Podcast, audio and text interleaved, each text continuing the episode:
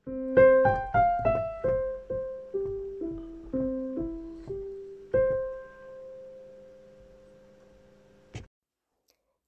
velkommen til Orden i rot podkast. Podkasten lages av meg, Renate, og jeg er opptatt av at rydding og organisering skal være for alle. Hvis du har eh, en sykdom eller skade som gjør at du ikke kan gjøre like mye som de andre, så er du hjertelig velkommen her. Jeg lager episoder på rundt 15 minutter pluss-minus i uken, og jeg prøver å ha litt forskjellig innhold hver uke. Så hjertelig velkommen, og eh, følg gjerne podkasten, så blir jeg veldig glad.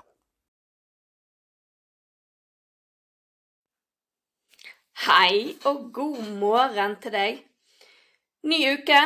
11 grader starter vi med her vest, så dette skal bli en uh, fin og varm dag. I dag tenkte jeg jeg skulle snakke litt om hvorfor du ikke bør kjøpe nye bokreoler. Eller eh, ja, andre skap. For det er veldig fristende når vi har makset ut hjemmet vårt, så er det veldig fristende å tenke at ja, men jeg trenger bare en ny bokhylle, så ordner alt seg. Da får jeg puttet alle bøkene som ligger og slenger rundt om, i den nye bokhyllen. Ja, for så vidt så skjønner jeg skjønner jeg hvorfor du eh, vil det, men det vil ikke løse problemet ditt. For når vi, eh, når vi stadig kjøper nye eh, beholdere til tingene våre Altså, nå mener jeg ikke de små kassene som vi putter inni hyllene inni skapet. De skal du fremdeles få lov til å bruke, men vi snakker disse her store store bokreolene, store skapene som vi kjøper for at vi tror at da blir det bedre i hjemmet vårt. Hvis jeg bare har én bokreol til, hvis jeg bare har ett skap til det er, ikke, det er ikke få skap vi har kjøpt opp igjennom for, for nettopp det formålet at ja, men da skal det bli ryddig. Og for så vidt så har jo det en funksjon. Det blir jo mer ryddig med det ekstra skapet. Men det gir deg samtidig bare en mulighet til å spare enda flere ting. I et hjem som allerede er ganske fullt, så gir du bare deg sjøl en ekstra sjanse til å stappe inn enda flere ting. Og det er jo ikke det du ønsker. Sant? Veldig ofte, eller ikke veldig ofte, innimellom så finner folk ut i den prosessen med å kjøpe en til bokreol og en til bokreol, at de må kjøpe et nytt og større hus. Fordi at det var ikke plass til mer bokreoler, så da må vi kjøpe et nytt hus sånn at vi får plass til flere bokreoler, eller andre reoler. Du skjønner hva jeg mener. Og Selvfølgelig har du lyst til å kjøpe et større hus, så er det jo ingen som nekter deg, men du Det blir ganske dyre hus for disse tingene dine. Og til syvende og sist så har du jo ikke mulighet til å se på fire millioner ting hver eneste dag. Så hva vinner du med å måtte kjøpe større hus, større reoler, flere reoler hele tiden. Istedenfor å ta vekk de tingene du allikevel ikke ser på eller bruker, og la plassen din være til de tingene du har tenkt til å bruke. For hvis, hvis du får Nå har jeg snakket om bokrullere. Hvis du er en person som er veldig glad i bøker, så er det gjerne vanskelig for deg å kvitte deg med bøkene. Eller det kan være du er veldig glad i klær. Eller det kan være du er veldig glad i filmer. Eller eh, CD-er. Sånn? Men hvis, hvis du skal fortsette å ha med deg disse bøkene eller filmene eller CD-ene videre i livet, så bør du minimum bruke de en gang til. Sånn? Så hvis du skal ha 8000 CD-er, så bør du høre gjennom alle de 8000 CD-ene i det videre. sånn? For hvis du bare skal høre på 500 av de 8000 CD-ene, så kunne du tatt vekk reol til 7500 CD-er. Ja, det var jo et ekstremt høyt tall. Men, men det er bare for å sette det på spissen at hvis du ikke har til intensjon å bruke alle ting du har i hjemmet ditt, minst en gang til, så er det waste of space. Altså Det er det tullete å bruke den plassen bare fordi at det ser fint ut. Sånn, sånn som bøkene. Ja, men han, han eh, Han har så fin farge. Jeg vet ikke hva man eh, Hva man egentlig syns ser så fint ut med ryggen til en bok. Men Eller en CD, for den saks skyld. Den har jo nesten ikke ende engang, så jeg vet ikke helt hva, hva man samler for. Men selvfølgelig så skal jo folk få lov til å ha hvor mye ting de vil ha.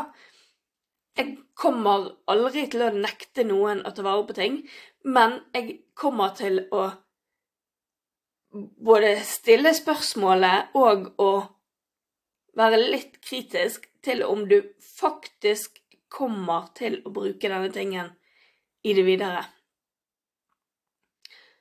Sånn det, det er eksempel mange som tar vare på type skolebøker. De har, de har gått lenge på skolen, de har gjerne studert, de har gjerne vært lærer.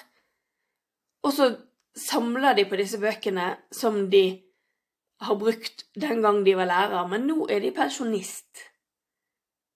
Og det betyr jo at du ikke skal være lærer videre. Og det burde bety at du da ikke lenger trenger å ta vare på alt, alle disse tingene som du var lærer i før. Men det er ikke alle som, som ser at det ene er lettere enn det andre. Selvfølgelig. Altså, jeg skal jo ikke skryte på meg for mye. Jeg er veldig glad i garn. Men allikevel så lot jeg plassen få bestemme før jeg lot mengden garn bestemme. Sant? Jeg satt av denne plassen her skal jeg ha til garn. Og når den plassen er full, så er jeg nødt til å bruke det garnet før jeg kan kjøpe nytt. Eh, ja, det er sannhet med modifikasjoner. Jeg har nok eh, prosjekter eh, litt her og der i tillegg.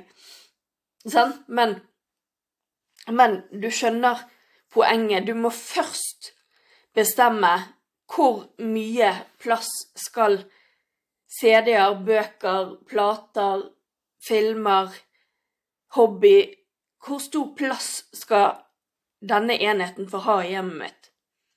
Du må ta styringen først. Sant? Hvis du, hvis du tenker at ja, men jeg har plass til ti bokroller, ja, så kan du fylle opp ti bokroller. Men hvis du egentlig bare burde ha tre reoler, så er det det du kan få ha videre. Og det er jo ikke sånn at hvis du gir vekk 50% av bøkene dine, så kan du aldri se de bøkene igjen.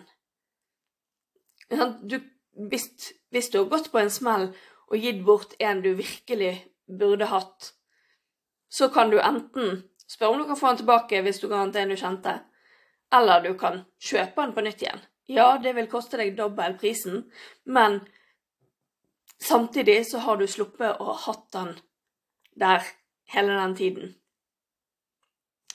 Sånn, for eksempel veldig mange eh, tar vare på kokebøker. Vi, kom, vi, vi, som er voksne i dag, vi kommer fra en tid eh, der eh, vi ikke hadde stor tilgang på internett. Og der det å kjøpe kokebøker var, var det som var mest praktisk. Altså Det var sånn vi fikk mest oppskrifter. Og selv om det fremdeles lages veldig mange nye, flotte kokebøker, så er jo ikke det til å stikke under en stol at når du leter etter en oppskrift, så leter du først og fremst på nettet. Det er sjelden at folk åpner kokebøker for, Sjeldnere at folk åpner kokebøker for å finne oppskrifter. Og hvis du gjør det, så er det veldig ofte en oppskrift du har brukt før, som du vet at står i den og den boken. Sånn? For det at i hverdagen er det mye lettere å ogling enn googling. Sant? da får du svaret med en gang, istedenfor å bruke en halvtime og se gjennom boken. Sant? Men, men, samtidig så sier vi at ja, men jeg kan ikke kvitte meg med de bøkene fordi at det er så mange gode oppskrifter der. Så, så det går litt sånn du, du må veie det ene opp mot det andre. Og så må du bestemme hvordan skal det være i mitt hjem. Hvilke ting skal få lov å blomstre i mitt hjem.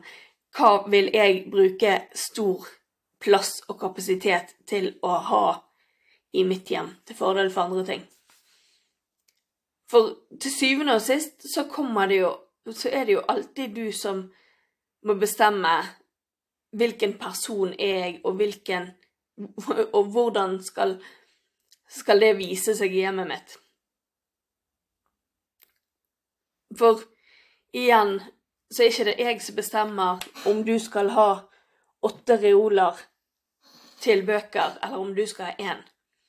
Det er det du som bestemmer, men igjen, hvis du bare skal lese en tredjedel av de bøkene du tar med deg, så er det ikke så mange fine rigger på bøker at du trenger å ha fem reoler med bøker bare for å ha, at ryggen skal stå der.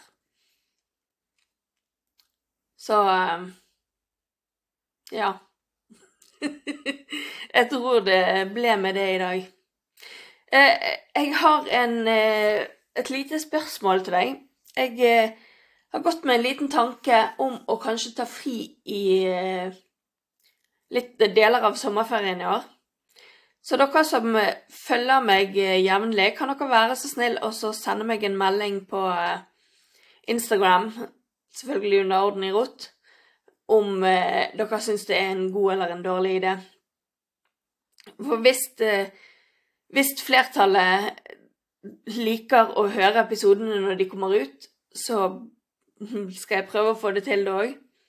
Men hvis det ikke er så nøye om det kommer ut om mandagen. Kanskje det kan komme annenhver uke eller eh, en gang i måneden i sommeren.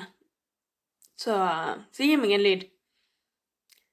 Ønsker deg selvfølgelig en strålende uke. Takk for at du hørte på episoden. Hvis du likte den, så anbefaler jeg deg at du abonnerer, sånn at du får vite når neste episode kommer ut. Du finner meg både på Facebook og Instagram under Orden i rot. Og jeg blir veldig, veldig glad hvis du kontakter meg for både ris og ros. Det er du hjertelig velkommen til. Så eh, håper jeg at du vil høre på flere episoder. Takk for meg. thank